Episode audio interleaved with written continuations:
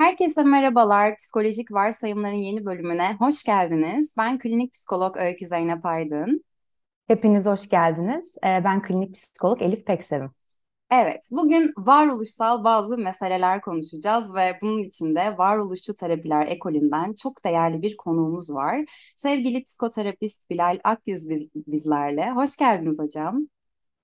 Merhabalar, hoş bulduk. Ee, teşekkür ediyorum bu alanı ve bu konuyu merak edip beni buraya davet ettiğiniz için. Ee, umarım keyifli bir sohbet olur. Konumuz her ne kadar çok keyifli bir şey olmasa da. Evet, evet aynen öyle. Biz çok teşekkür ederiz kabul ettiğiniz için. Ee, her şeyden önce dinleyicilerimiz için biraz kendinizden bahsetmenizi rica edeceğim. Tabii ki hmm, ben psikoloji bölümünden mezun oldum 19 Mayıs Üniversitesi'nden. Sonrasında uzmanlığımı travma alanında yaptım. Ee, ama çok uzun zamandır, e, çok erken bir yaşta Freud'la tanıştım ben. Ee, ve çok uzun zamandır psikanaliz üzerine e, yoğun okumalar, yoğun çalışmalar yapmaktaydım. Ama tabii ki psikanaliz çok büyük bir derya olmasına rağmen e, her zaman genişlemeye, her zaman daha büyük bir anlayışa sahip olmaya dair bir eğilimi olduğu için bu bir biçimde beni felsefeyle hep yaklaştırdı, felsefeyle bir ilişki içerisine soktu. Ve orada da e, varoluşçu felsefe özellikle insana dair çok fazla şey dile getirdiği için bir biçimde varoluşçu psikoterapi ve varoluşçu felsefeyle de iç içe olmaya başladım. Ee, Bu çerçevede çalışmalarım ağırlıklı olarak psikanaliz ve varoluşçu psikoterapi üzerinedir. Samsun'dayım, Samsun'da çalışıyorum. Ee, Bir e, akademim var diyeyim. Ee, Harika. Hem öğrenci, e, psikoloji öğrencileriyle hem mezunlarla hem uzmanlarla beraber çalışmalar yürüt- yürüttüğümüz bir akademi. Bunun dışında İstanbul'da da Varoluşçu Akademi'de varoluşçu psikoterapiye dair eğitimler veriyorum temel ve ileri düzeyde. Ee, Kendi akademimizde de Anlam Akademi. Orada da e, psikanaliz ve varoluşçu psikoterapiye dair e, eğitimler veriyorum. E, yoğun bir psikoterapi pratiğim var. E, bu işin ne kadar meşakkatli ve özveri gerektiren bir iş olduğunu biliyorum ve bu anlamda da zorlayıcı konuları konuşuyor olmanın da çok kıymetli olduğunu düşünüyorum. Bugün Girizgahta yüzden yapmış oldunuz böylelikle bugünün temasını. Ee, hocam e, ben kendi adıma çok teşekkür ederim. Bizi kırmayıp davetimizi kabul ettiğiniz için çok keyifli bir sohbet olacak bence. Ben böyle yavaştan Haydi başlayayım diyorum. başlayalım. lütfen. Tamamdır. Ee, şimdi hocam e, bugün sizinle birlikte aslında biz varoluşsal endişelerimizden biri olan ölüm anksiyetesini konuşmak istiyoruz. Öyküyle sürekli üzerine konuştuğumuz, tartıştığımız ve epey kafamızın karışık olduğu bir mesele aslında. Belki bugünkü sohbet sonunda birazcık aydınlanırız, yüzleşiriz diye düşünüyorum. Şimdi bir yandan ölüm hiç kimsenin bizim yerimize, bizim için deneyimleyemeyeceği ve belki de insanoğlunun bildiği en önemli gerçekliklerden bir tanesi. Çünkü biz ne yaparsak yapalım hayatımız kaçınılmaz bir şekilde ölüme doğru gidiyor ve ilerliyor. Bu bazen çok rahatlatıcı, bazen bizde çok yüksek anksiyete uyandıran, belki birazcık bizi sıradanlaştıran ve eksik de kılan bir gerçeklik aslında. Hatta bazen bunu o kadar inkar ediyoruz ki ben bunu kabul edememe hallerimizi ve gerçekliğin inkarını aşırı yaşama çabalarımızı ve aşırı telafi davranışlarımızda da belli başlı psikopatolojilerle, semptomlarla da aslında açığa çıkardığımızı gözlemliyorum. Hem bir klinisyen olarak hem de e, kendi hayatımda. Hocam benim size sormak istediğim şey aslında ölüm deyince sizde çağrışan şeyler nelerdir ve ölümün anksiyetesini bizler neden yaşıyoruz? Ölüm insan söz konusu olduğunda çok uzun zamandır çok büyük bir mesele. Ee, felsefenin de çok büyük sorularından bir tanesi tabii ki. Ee, ama ölümü biz bir şey olarak düşünüyoruz mütemadiyen. Ee, işte buna tabii ki dinin verdiği cevaplar var, bilinin, bilimin vermeye çalıştığı cevaplar var, felsefenin vermeye çalıştığı cevaplar var. Ama ölüm dediğimizde aklımıza gelen şey e, nihai bir sonluluk. ölüm kaygısıysa buna kimi filozoflar varoluş kaygısı diyor, kimi filozoflar ölüm e, kaygısı diyor. E, ölüm kaygısıysa sadece ölümle ilgili bir mesele değil. Ölüm bunun nihai hali dediğim gibi. Çok temelde meselemiz aslında sonlulukla ilişkili. Ölüm dediğimizde bunun hayatın da son bulmasıyla beraber nihai hali ile karşı karşıyayız. Böyle büyük bir soruyla karşılaşıyoruz. Oysa ki tek sonluluk ölüm değil. Hayatın nasıl bir başlangıcı, bir gelişimi ve bir sonu varsa bir insan olarak deneyimlediğimiz her şeyin de bir başlangıcı, bir gelişimi ve bir sonu var. Bunların hepsinin bizde yarattığı bir duygu var. Ee, işte birçok varoluşsal anlamda varoluşçu meseleyle ya da felsefeyle uğraşan filozof e, buna bir biçimde ölüm kaygısı adını verir. Ama işte bunu saat ölümle ilgili bir mesele olarak ele almak çok doğru olmaz. Daha çok sonlulukla ilişkili bir şey. Çünkü işte bu podcast'in bir başı var. Şimdi başladık, bir şeyler konuşacağız ve bir sonu var. Bitmek durumunda. Sonsuza kadar burada konuşamayız. Bunun da bizde bir etkisi olacak. Ve bu öyle bir şey ki işte ölümü bu kadar müstesna ve kıymetli yapan şey de bu. Bu geri döndürülemez bir süreç. Yani biz bu podcast kaydını yapıyoruz. Geriye dönüp ancak yeni bir kayıt yapabiliriz. Aynı kaydı tekrarlayamayız. Aynı deneyimi yaşayamayız. Sizinle bu benim ilk karşılaşmam. Bu ilk karşılaşmayı bir daha deneyimlemeyeceğiz. Bir sefer için deneyimliyoruz. İşte sonluluğun insan için büyük bir mesele olması bu e, deneyimin biricikliğiyle çok ilişkili. Bu müstesnalıkla çok ilişkili. E, sonluluk aynı zamanda bunu salt deneyimlediğimiz şeyler üzerinden değil, olasılıklar üzerinden de düşünmemiz gerekiyor. Çünkü Kierkegaard için kaygı dediğimiz şey yani anksiyete tabii ki biz anksiyeteyi aslında Türkçe'ye kaygı olarak çeviriyoruz. Tam anlamıyla bir e, tam bir karşılığı olmasa da bu kelimenin Kierkegaard kaygıyı e, seçeneklerimizin fazlalığıyla, seçeneklerle karşılaşmayla e, ilintilendirir. Ve şöyle bir örnek verir kaygıyı tarif ederken. Der ki bir uçurumun kenarında olduğunuzu hayal edin. O uçurumun kenarında o uçurumdan aşağıya baktığınız anda hissiyete.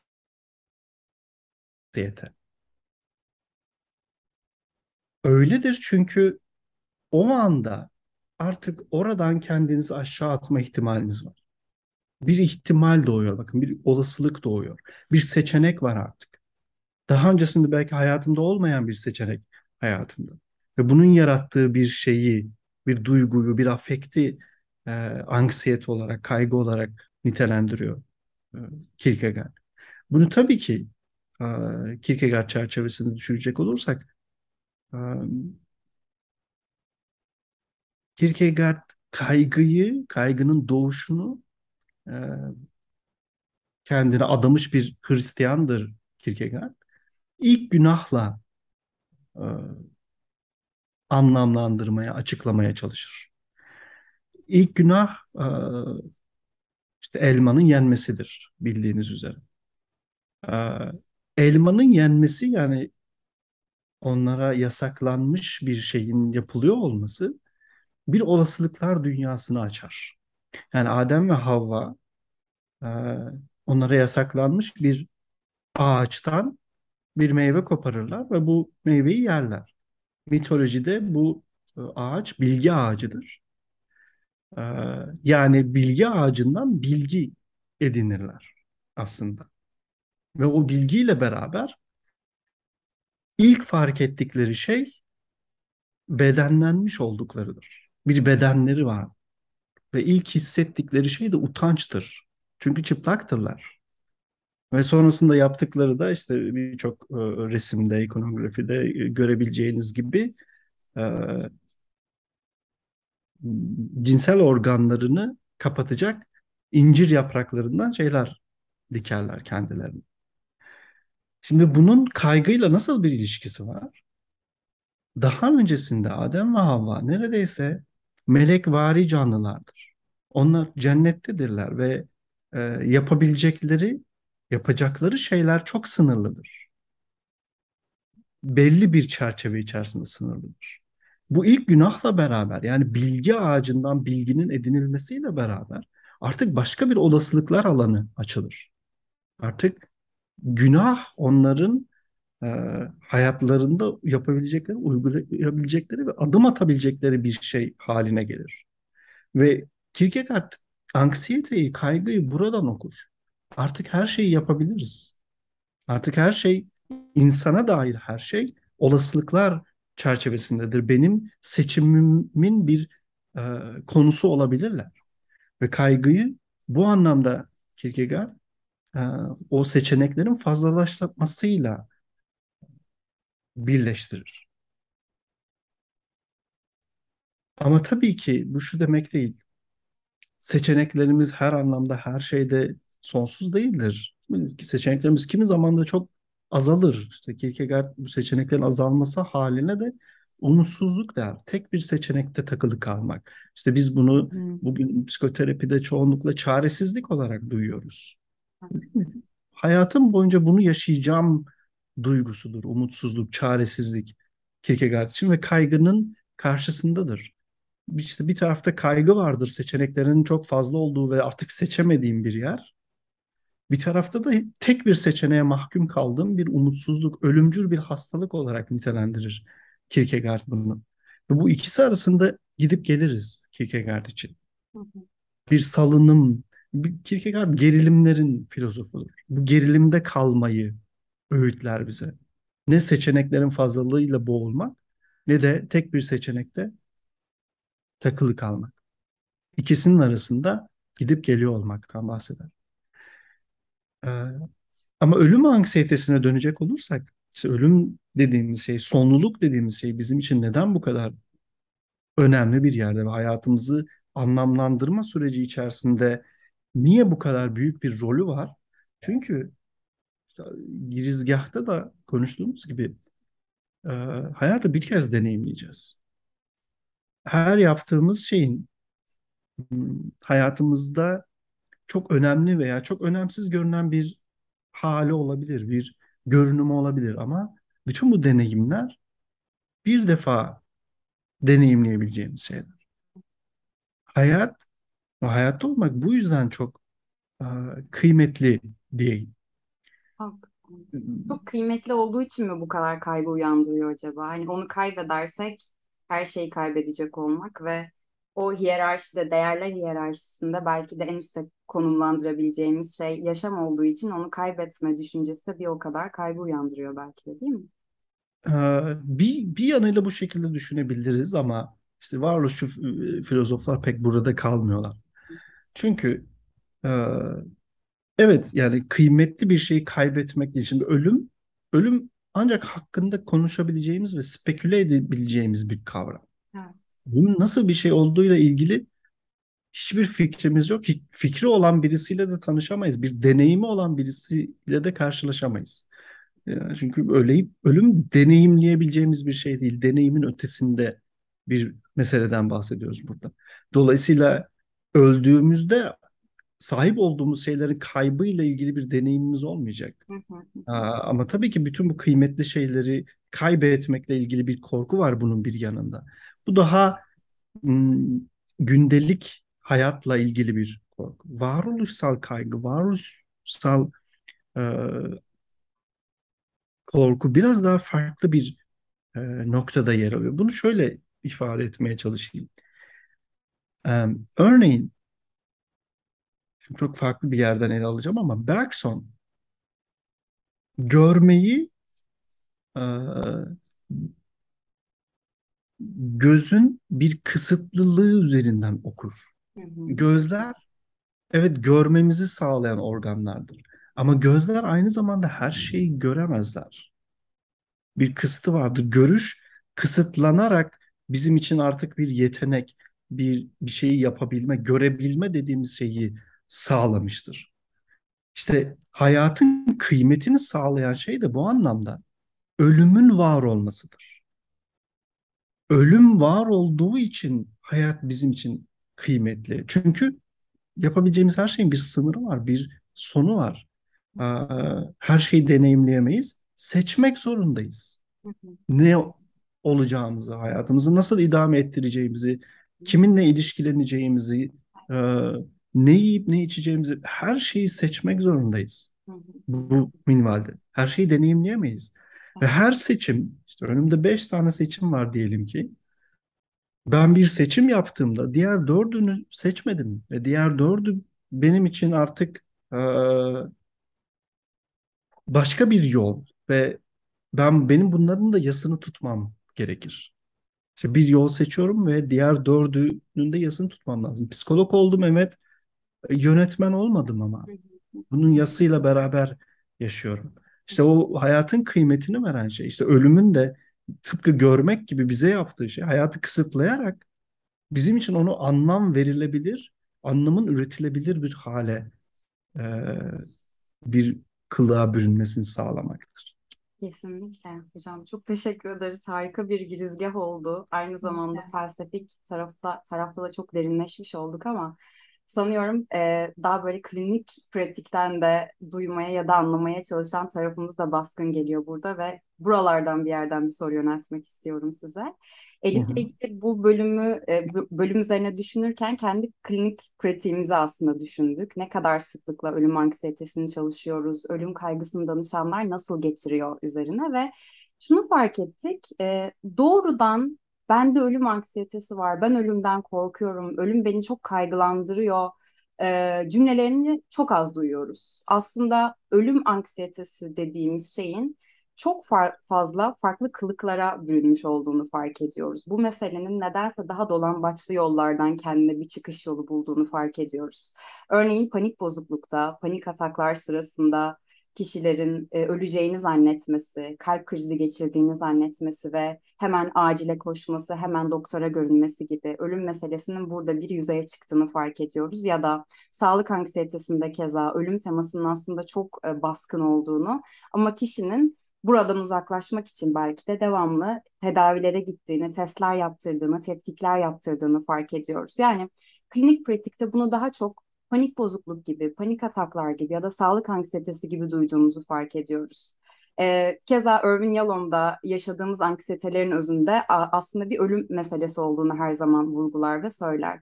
Bu sebeple buradan bir soru yöneltmek istiyorum hocam ve e, ölüm kavramının ya da ölüm meselesinin neden bazı kişiler için daha anksiyetik, daha fazla kaygı uyandıran bir şey olduğunu ve bazılarının neden daha bu meseleyi daha sakince ele alabildiğini ve bir patoloji meydana getirmediğini yani buradaki farklılıkları merak ediyorum aslında. Örneğin bilmiyorum ölümle karşılaşmış, karşılaşmış olmak mı daha önce, çok fazla sevdiğini kaybetmek mi, kendisi bir ölümden dönmek mi? Yani yaşantısal ya da deneyimsel bir şeyler mi var orada?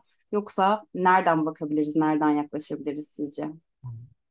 Ee, burada belki işte yani Yalom'u düzeltmek bana düşmez elbette ama e, Yalom'un e, söylediği şey de sadece şu düzeltmeyi yapmak istedim. E, işte ölüm değil, sonluluk. E, şu anlamda sonluluk olarak ifade edeceğim bunu ya da işte klinik pratikte bunu nasıl görüyoruz veya her şeyin kökeninde ölümle ilgili, sonlulukla ilgili bir şey mi var? Bir yanıyla evet. Bir yanıyla sadece klinik pratik çerçevesinde düşünmeyelim bunu. Hayatımızdaki her şeyde ölümün ve sonluluğun çok ciddi bir payı var. Ama hmm, şimdi son, neden sonluluk olarak düzeltme gereği e, duyuyorum bu söylediği şeyi? Çünkü e, işte bir panik bozukluktan veya e, işte sağlık kaygılarından bahsettik öyle değil mi? Hipokondriyadan. Şimdi bir yani psikanalitik ve varoluşçu bir yerden çalışan birisi olarak tanının tabii ki tanı ile ilgili çok fazla fikrim ve bilgim var ama benim çalışmamda e, neredeyse hiçbir yeri yok. Çünkü bütün mesele benim için o semptomun kişinin hayatındaki anlamı üretmesine dair çabasında ve oradaki işleyişinde nasıl bir yeri oldu? Oradaki işleyiş, oradaki mekanizmayı anlamak ve bununla karşımdaki insanın ne yaptığını, neyi yapamadığını beraber keşfetmeye çalışmak ve belki buraya yeni çözümler üretmesine yönelik doğru soruları sormaya çalışmak.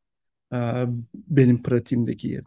Ama bu bir işte kaygı bozukluğundan bahsediyorsak, panik bozukluktan bahsediyorsak, işte o kişi o an için ölmekle ilgili bir meselesi, e, öleceğini zannetmekle ilgili bir meselesi var. Bunu biraz daha irdelediğinizde ama bu ölümle ilgili meseleyi, bu çoğunlukla şöyle bir şeyle karşılaşmaya dönüşüyor. Bir delirme korkusu, bir aklını yitirme korkusu veya e, utanç verici bir durumun içerisinde kalmakla ilgili bir korkuya dair bir şey duyuyoruz çoğunlukla. Yani o öleceğimiz sandığım dediğim anların bir kısmı o an onu yaşıyor olmak ve belki de bir topluluğun içerisinde yaşıyor olmanın e, getirdiği utançla çok e, ilişkili gibi duyuyorum ben çoğunlukla bunu. Tabii ki işte neden sonluluk olarak değiştiriyorum bunu? Çünkü hayatımız çok kısıtlı ve yaptığımız seçimleri kabul edebilmek, bu seçimleri sahiplenebilmek, iyisiyle kötüsüyle sahiplenebilmek pek de kolay bir şey değil. Ve birazcık e, mükemmelliyetçi bir ortamda yetiştiysek, birazcık o kabulün pek esamesinin okuman, okunmadığı bir ortamda yetiştiysek, hata yapmak, yanlış yapmak bizim için çok büyük ve hayatımızda asla olmaması gereken şeylere dönüşme ihtimalini taşıyor. Dolayısıyla utanç başkalarının gözünde yaptığımız eylemin bizim için olumsuz bir yere doğru gidiyor olması hayatı sonlandıracak, bitirecek, e, hayatla ilişkimizi sekteye uğratacak bir şeye dönüşme ihtimali taşıyor. Dolayısıyla o, o utanç ve ölüm meselesi biraz iç içe geçiyor gibi e, duyuyorum çoğunlukla. Tabii ki bu şu demek değil yani bütün kaygı bozuklukları ya da işte sağlıkla ilgili anksiyeteler ve ölümle ilgili bir şey var veya aslında bütün e, klinik tabloda ölüme dair bir şeyler duyabiliriz. Ölüme dair değil ama sonluğa dair bir şeyler duyabiliriz bence. Çünkü ölüm ne söylüyorum bunun nihai hali. Diğer yönleri ise daha çok sonlulukla ilişkili. İşte her ilişkinin bir sonu var. Her ilişkinin bir sonu var. Yani ee, çok iyi giden bir ilişkinizin de bir sonu var. Çok kötü giden bir ilişkinizin de bir sonu var. Çok iyi giden ilişkinin de taraflardan bir tanesi bir gün ölecek. Bir gün hayatınızdan ayrılacak. Ayrılmıyor olabilirsiniz. Birbirinizi çok seviyor olabilirsiniz ama bir gün birisi ölecek. İkinizin aynı anda e, ölmesi gibi çok düşük bir ihtimal e, olsa da. Ama işte o sonluluk her zaman hayatımızda. Ve işte yaptığımız seçimleri kabul etmenin burada bizim için nasıl bir e, artısı, nasıl bir faydası olabilir? E, hata yapabilmeye, kendimize alan açabilmek, böyle bir esnekliğe sahip olabilmek, e, hayatı olduğu haliyle kabul edebilmeye, onu olduğu haliyle deneyimleyebilmeye dair bir kapı aralar bize ve e, danışanlarımızla çalışmalarımızda da o esneklikle ilgili bir yere aslında ulaşmaya çalışıyoruz öyle değil mi? Yani e, elbette bizim kurduğumuz, inşa ettiğimiz şeyler var hayata dair bir insan olarak, bir birey olarak. Ama hayat denilen o büyük şeyi düşündüğümüzde bunun gerçekten küçük bir kısmı benim elimde. Benim dışında da çok fazla şey var. Ve o bütün o onların benim kişiliğim, hayatım, hiç istemediğim ve çok istediğim şeylerle ilgili onların dahli veya dışarıda kalması çoğu zaman benim gücümün sınırlarının dışında kalıyor. İşte bir yandan bu bu konumu kabul edememek hayata dair daha güçlü hissetme ihtiyacında olmak. Çünkü bir manada da e, dünya isteğimiz dışında bulunduğumuz bir yer. Yani biz seçip de buraya gelmiyoruz öyle değil mi? Ee, Ben şu aile, aileye, şu ülkeye, şu dile, şöyle bir kültüre, şöyle bir e, sosyoekonomik düzeye doğacağım gibi bir seçimle burada değiliz. E, Heidegger'in terimiyle bu dünyaya fırlatılmış bir haldeyiz. Seçimimiz dışında buradayız. Ve seçimimiz dışında burada olmak demek e, hayatın daha başlamadığı bir yerde bizim için birçok şeyin seçilmiş olması demek. Bizim adımıza karar verilmiş olması demek. Ve bununla barışabilmek, bununla hayatı idame ettirebilmek sadece psikopatoloji anlamında söylemiyorum. Bütün insanlar için hiç kolay bir şey değil. İşte Nietzsche buna a, amor fati diyor. A, kaderine aşık ol. Bakın sev demiyor. Aşık ol diyor. Çünkü aşkın gözü kördür yani görmez. Hayatı ve kaderini aa, ki Nietzsche hiç kaderci bir filozof değildir. Ama işte o seçemediğimiz şeyleri bütünüyle kabul etmek durumundayız. Bunu burada Kleinci bir yerden düşünecek olursak Melanie Klein işte nesne ilişkileri teorisinin psikanalizin önemli isimlerinden bir tanesidir. Bir bebeğin e, annesinden sağlıklı bir biçimde bakım verenen ayrılabilmesinin bütünüyle sevebilmek olduğunu söyler. Yani Klein daha erken dönemde iyiyi ve kötüyü çok basit haliyle birbirinden keskin bir biçimde ayırdığımızı söyler. Yani bir iyi anne vardı, bana iyi davranan, e, benim işte endişelerimi gideren, bir de kötü anne vardır, bana kızan, beni engelleyen e, bir anne vardır. Ama büyüdükçe şunun farkına varız ki aslında bu ikisi aynı insan. Beni engelleyen, e, beni üzen de aynı kişi, beni sakinleştiren, beni doyuran, beni seven de aynı kişi. İşte bütünüyle sevebilirsek ondan sağlıklı bir biçimde ayrılabilme ihtimalini ancak doğurabiliriz. İşte hayata dair e, yaklaşımının da bu minvalde bir yerde e, seyredebilmesi gerekiyor ki e, psikopatoloji olarak değerlendirmeyeceğim bunu ama hayatı devam ettirmekte o memnuniyeti hissedebilir. Çünkü mutluluk hiçbir zaman hedef değil. Olamaz, olmamalı da bence. E, hayatımızdan ancak memnun olabiliriz. Kesinlikle. Hocam seçimler meselesi beni epey başka yerlere götürdü. Bu hayatı olduğu gibi kabul edememe hali de beni epey bir yere götürdü açıkçası. Çünkü ben de sadece dediğinize katılıyorum psikopatoloji olarak değil, hepimizin gündelik hayatlarında çoğu yaşadığı o yüksek duyguların biraz da o nasıl olması gerektiğiyle aşırı ilgileniyor olmamızdan ve meselenin gerçekte nasıl olduğuna bir şekilde gelememekle ilgili de olduğunu düşünüyorum. Kendi kişisel hayatımda biraz buralara gittim ben açıkçası sayenizde. Çok teşekkür ederim. Ee, kendi pratiğinizdeki çalışmalardan, bakış açınızdan biraz bahsederken biraz e, son olarak şunu size aslında sormak istiyoruz hocam. Ölümle yüzleşmek, ölüm anksiyetesinin bir parçası mıdır? Ve ölümle yüzleşmek çok gördüğümüz bir kavram olsa da ne canlanmalı gözümüzde? Şimdi ölümle yüzleşmek e, birçok insanın aklına e, işte ölüme yakın bir deneyim sahibi olmak veya işte bir yakınınızın ölmesi gibi bir şeyi getiriyor. Ama aslında ölümle yüzleşmek sadece bununla sınırlı değil. Ölümle her an yüzleşiyoruz, istesek de istemesek de. Şimdi aslında başlarken de ifade ettiğim gibi ben benim uzmanlığım travma üzerine ve e, travma tam olarak bu ölümle yüzleşme dediğimiz şeyi çok farklı boyutlardan ve duygusal olarak da gerçekten çok geniş bir spektrumda e, deneyimlememizi sağlayan şeylerden bir tanesi.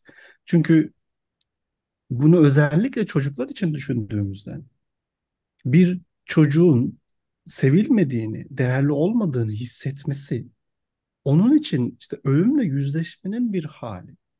Çünkü sevilmemek veya değerli olmamak demek bir yandan kendi başına hayatta kalamayacağı bir dünyada ölüme terk edilmek demek. Ve bu travmatik deneyimle e, nasıl hemhal olduğu kişinin, o çocuğun bununla nasıl başa çıktığı, e, buraya nasıl bir çözüm ürettiği, o insanın hayatındaki anlamı üretme biçimini belirleyecek. İnsanları, ilişkileri, meseleleri nasıl deneyimleyeceği, nasıl algılayacağı, nasıl yorumlayacağıyla ilgili ona bir referans noktası olacak. Ve şu da kaçınılmaz e, tabii ki. Yani travma hepimizin deneyimlediği bir şey. İlla çok büyük, çok yaralayıcı şeyler olarak düşünmemek lazım. Hepimiz bir biçimde travmatik bir çocukluk yaşıyoruz. Ve travmayı sadece olumsuz bir şey olarak düşünmemek de lazım. Çünkü travma evet ciddi anlamda duygusal olarak veya fiziksel olarak da tabii ki ama bizim için burada önemli olan şey daha onun duygusal yanı çok engelleyici, e, çok fazla ketleyici bir deneyim gibi e, görünüyor. Ama salt bundan ibaret değil. Travma aynı zamanda büyümemiz için gerekli olan şeydir. E, işte buna hep benzer bir örnek veririm. Bunu bir kas geliştirmek gibi düşünmek lazım. Yani bir kası geliştirmeniz için sizin o kasa taşıyabildiğinden daha fazla ağırlık taşıtmanız gerekiyor. Ki o kas büyüyebilsin. Travma da bizim için aynen bu şekilde e, deneyimlenen bir şey. Ama bu burada tabii ki çocukluk gibi müstesna bir durum işin içerisine girdiğinde e, o çocuğun travmayı deneyimleyebilecek, onu kendisini büyütebilecek bir şeye dönüştürebilecek araçları henüz yok. İşte bu noktada ona en az bir yetişkinin e, eşlik ediyor olması lazım. Değil mi? Onun yaşadığı deneyimi onun için daha açık, daha net ve bir desteği olduğunu hisseder bir deneyime onun için ön ayak olması gerekiyor ki o travmatik deneyimden büyüyebileceği, kendisi ve hayatı adına bir şeyler öğrenebileceği e, bir deneyim haline getirebilsin. İşte ölümle yüzleşmek dediğimizde aslında bir biçimde hepimiz ölümle yüzleşmeyi duygusal dünyamızda bir şekilde yaşadık. Ve bunu nasıl anlamlandırdığımızla ilgili, bununla nasıl başa çıktığımızla ilgili e, farkında olmadığımız bir bilgi birikimimiz var. İşte terapi dediğimiz şey tam da bu bilgi birikimini irdelemek. Tam olarak hayatımızda nasıl şeyler bizim e, için iz bıraktı, e, olumlu ve olumsuz anlamda ve bu izlere nasıl çözümler bulduk? Bu izlerden nasıl patikalar yarattık? Bu patikaları nasıl yollara çevirdik? Nasıl bunlar çok hızlı ve otomatik hale geldi bizim için?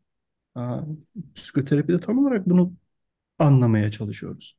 Ve bizi direkt doğrudan işte semptomatik bir şeye götüren e, o yolları bir bir tür geriye mühendislikle beraber başka bir ize, başka bir patikaya, başka bir yola dönüştürme olanaklarını arıyoruz. Ölümle yüzleşmek bu manada işte sadece ölüme yaklaştığımız bir deneyim yaşamak değil, sadece birini kaybetmek değil. Aslında ölüm hayatımızın her an, her zaman bir parçası. Sonluluk çünkü hayatımızın her an, her zaman bir parçası. Ha kimimiz bununla yüzleşmeyerek yüzleşiyoruz. Ama bu şu demek değil. Eğer hayatınızda yüzleşmediğiniz bir şey varsa hep sizin hayatınızda. Hep merkezinizde. Hep orada. Aldığınız bütün kararlar ve siz onunla ne kadar yüzleşmezseniz bütün seçimlerinize sirayet eden bir şeye dönüşüyor bir noktada. Dolayısıyla onunla yüzleşmemek bile bir yüzleşme biçimi diyeyim. Terapi dışında düşündüğümüzde bunu tabii daha rahat bir biçimde düşünebiliyoruz ama terapi söz konusu olduğunda ölümle yüzleşmek doğrudan ölümü konuştuğumuz bir şey değil. Aksine soru, sonluluğu konuştuğumuz bir meseleye dönüşüyor. Seçimlerimizi konuştuğumuz bir e, hale bürünüyor, bir kılığa bürünüyor belki de. İşte bu, bu noktada e, travmatik deneyimi bizim için yaratabilecek en önemli tavırlardan bir tanesi e, bizim doğal tavır dediğimiz bir tavır. Ne demek bu? Fazla varsayımla dolu bir şeyin içerisinde devam ediyor olmak. İşte bunun en büyük örneğini şu şekilde verebiliriz. E, evet bugün günü bitireceğim e, ve akşam uyuyacağım ve yarın sabah uyanacağım. Uyanamayabilirim. Bu, bu olasılık bizim için her zaman var ama varsayımımız bu noktada evet yarın uyanacağım. Varsayımım bu noktada. Bu, bu bir doğal tavır. İşte o esnekliği kazanabilmek e, ki varoluşçu psikoterapinin işte temel yöntemi fenomenolojidir. Bir felsefi yöntemdir aslında. Fenomenolojik tavırda olmayı bize söyler. Demek her şeye açık olabilmek. Her şeyi e, salt kendi deneyimim üzerinden anlamlandırmadan o meselenin, o ilişkinin, o durumun her neyse onun kendi kendisini bana ifşa etmesine izin verebilmem. Ölümle yüzleşmek dediğimizde işte o doğal tavırdan belki ölüm korkusu ya da ölüm anksiyetesi çerçevesinde geliştirdiğimiz o doğal tavırdan daha fenomenolojik bir tavra doğru e, varoluşumuzu evriltmek diyebilirim bir noktada. Ama yine altını özellikle çiziyorum. İşte ölümle yüzleşmek çok kaçabildiğimiz bir şey değil. Yüzleşmediğimiz anda bile kaçabildiğimiz bir şey değil. Her an her zaman o sonluluk, o seçimler hayatımızın çok önemli bir parçası olarak bizimle e, yan yana omuz omuza yürümeye devam ediyor. Ve işte bu noktada e, Heidegger'in zaman anlayışının bence çok kıymetli bir yeri var. Heidegger zamanı lineer ilerleyen bir şey olarak düşünmez. Yani geçmiş, şimdi ve gelecek lineer bir doğrultuda devam eden şeyler değillerdir. Aksine geçmiş dediğimiz şey şimdiyi zaten yoğuran bir şeydir. Şimdinin bir adım arkasındadır ama hep onunla bir ilişki ve onu şekillendiren bir biçimdedir.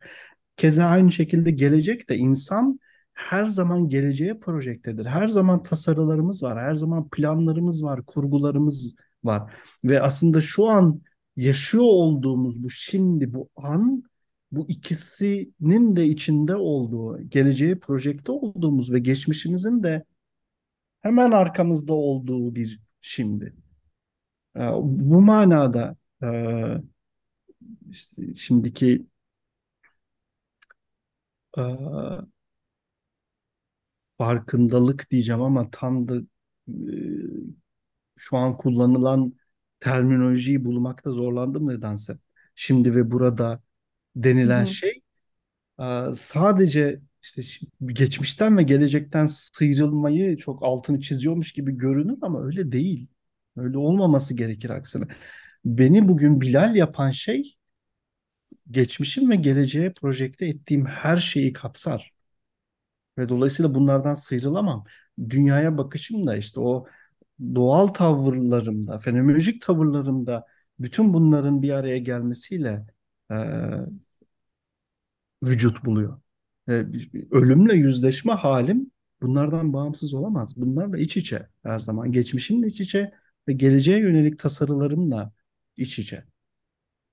E, klinik pratikte ise e, evet çoğunlukla benim ölüm anksiyetem var gibi bir şeyle karşılaşmıyoruz belki. Ee, ama bir biçimde o ölümün bir kavram olarak bizi çağrıştırdığı şeylerle hep hemhaliz, hep iç içeyiz. Bir biçimde ölüm istesek de istemesek de o odanın um, çok temel konularından bir tanesi. Bazen taşınma e, hadisesi gerçekleşirken, bazen medeni hal değişecekken bu meselelerin huzursuzlanmaya başlaması aslında bir kayıp yaşanıyor orada gibi. E, çokça konuşuyoruz bunu aslında terapi odalarında değil mi? Mesela babalık sıfatı yüklenecek ve baba olmayan Ali artık bir kayıp. Artık baba olan Ali'ye geçiş yapacak ve orada dediğiniz gibi bir sonlulukla yüzleşen birisi oluyor ve e, kimi zaman bu sonluluğa inkarla karşılık veriyoruz değil mi? Yüzleşmek derken sanıyorum birazcık daha geniş bir yerden bakmamız lazım. E, bu anlamda da sanıyorum sonluluğa inkarla karşılık vermekte o huzursuzluğu canlı tutuyor ve pek de bir yere götürmüyor. Çok da fazla kapıyı açmıyor bize gibi değil mi hocam? Evet aynen öyle. Ee, ve tabii ki yani sadece insanlar bundan yüzleşmeyerek, bundan uzaklaşarak yaşıyor gibi bir şey söylemiyorum. Hepimiz bir biçimde e, bu meseleyle temas içerisindeyiz ve bir, bir şekilde kendi öznelliğimizden buraya ürettiğimiz cevaplar var. Hepimizinki farklı sadece. İşte psikoterapi bu kadar müstesna, bu kadar özel kılan şey de bu zaten. Yani psikoloji her ne kadar bize böyle bir bilimmiş gibi anlatılsa da öyle bir bilim değil. Yani işte A, B ve C bir araya geldiğinde işte öyküyü oluşturur ya da Elif'i oluşturur gibi bir şey söz konusu değil. Öykü vardır, geriye dönüp bakarız çünkü A, B, C vardır diyebiliriz ancak. Her A, B, C bize Elif'i veya öyküyü vermez. Ee, Bunu o öznellik içerisinde değerlendirmemiz gerekiyor. Evet, bu da bizim bilişsel terapiler içindeki arayışımıza bir Evet. şey oldu, son Kerme taksın. Evet. Evet yani bir yerde Kesinlikle. farklı bir duyuş gerekiyor, farklı bir arayış gerekiyor ve biz de oralarda gerçekten kendi klinik pratiğimizi de genişletme ihtiyacı hissediyoruz ve böyle sizin gibi kıymetli alanda çalışan e, uzmanlarımızla karşılaşma fırsatı doğuyor bu vesileyle. Hocam tekrar çok çok çok teşekkür ederiz bize konuk olduğunuz için. Çok keyifli bir sohbetti. Keyifsiz gibi Harika bir sohbetti gerçekten de. gerçekten e, böyle dinlediğimiz ve sanıyorum Elif'le birlikte kapattıktan Evet. üzerine birkaç saat düşüneceğimiz bir sohbet oldu. E, vaktinize, emeğinize tekrar çok çok teşekkür ederiz. Hocam çok teşekkür Ben ederiz zamanınızı ayırdığınız için. Ee, şunu aslında bilmek ve duyuyor olmak bana kişisel olarak hem biraz kaygılandırdı hem bir yandan iyi geldi diyeceğim. Yani ölümün var olduğu için hayatımın daha kıymetli olduğunu biliyor olmak. Yani o yokluk sayesinde aslında anlam kazandığımı biliyor olmak. Bence bu benim için bu podcast'te çok çok önemli bir mesajdı. Çok teşekkür ederiz davetimizi kırmadığınız için. Harika bir sohbetti gerçekten. Ben çok teşekkür ediyorum. Dediğim gibi hem bu alanı e, bana açtığınız için umarım işte bütün mesele zaten hani e, psikoterapi pratiğimde de e, böyle, eğitimlerde de böyle soru oluşturabildiysek, biraz kafaları karıştırabildiysek ne ala. Üzerine düşünmemiz gereken çok fazla şey var. Üzerine eğilmemiz gereken çok şey, fazla şey var. Umarım böyle bir e, işlevi olur bu e, sohbetimizin. Ben tekrar çok teşekkür ediyorum size beni buraya davet ettiğiniz ve e, bütün susmak bilmezliğime rağmen beni dinleme sabrını Hocam estağfurullah. Estağfurullah olur mu öyle şey? Büyük Çok bir keyifti. ben eminim dinleyicilerimiz de keyif aldılar. E, dinleyicilerimize de vedalaşalım. E, tekrar çok teşekkür ederiz bu bölümümüze de bizi yalnız bırakmadığınız ve dinlediğiniz için. Sonraki bölümlerde görüşmek dileğiyle. Kendinize çok iyi bakın.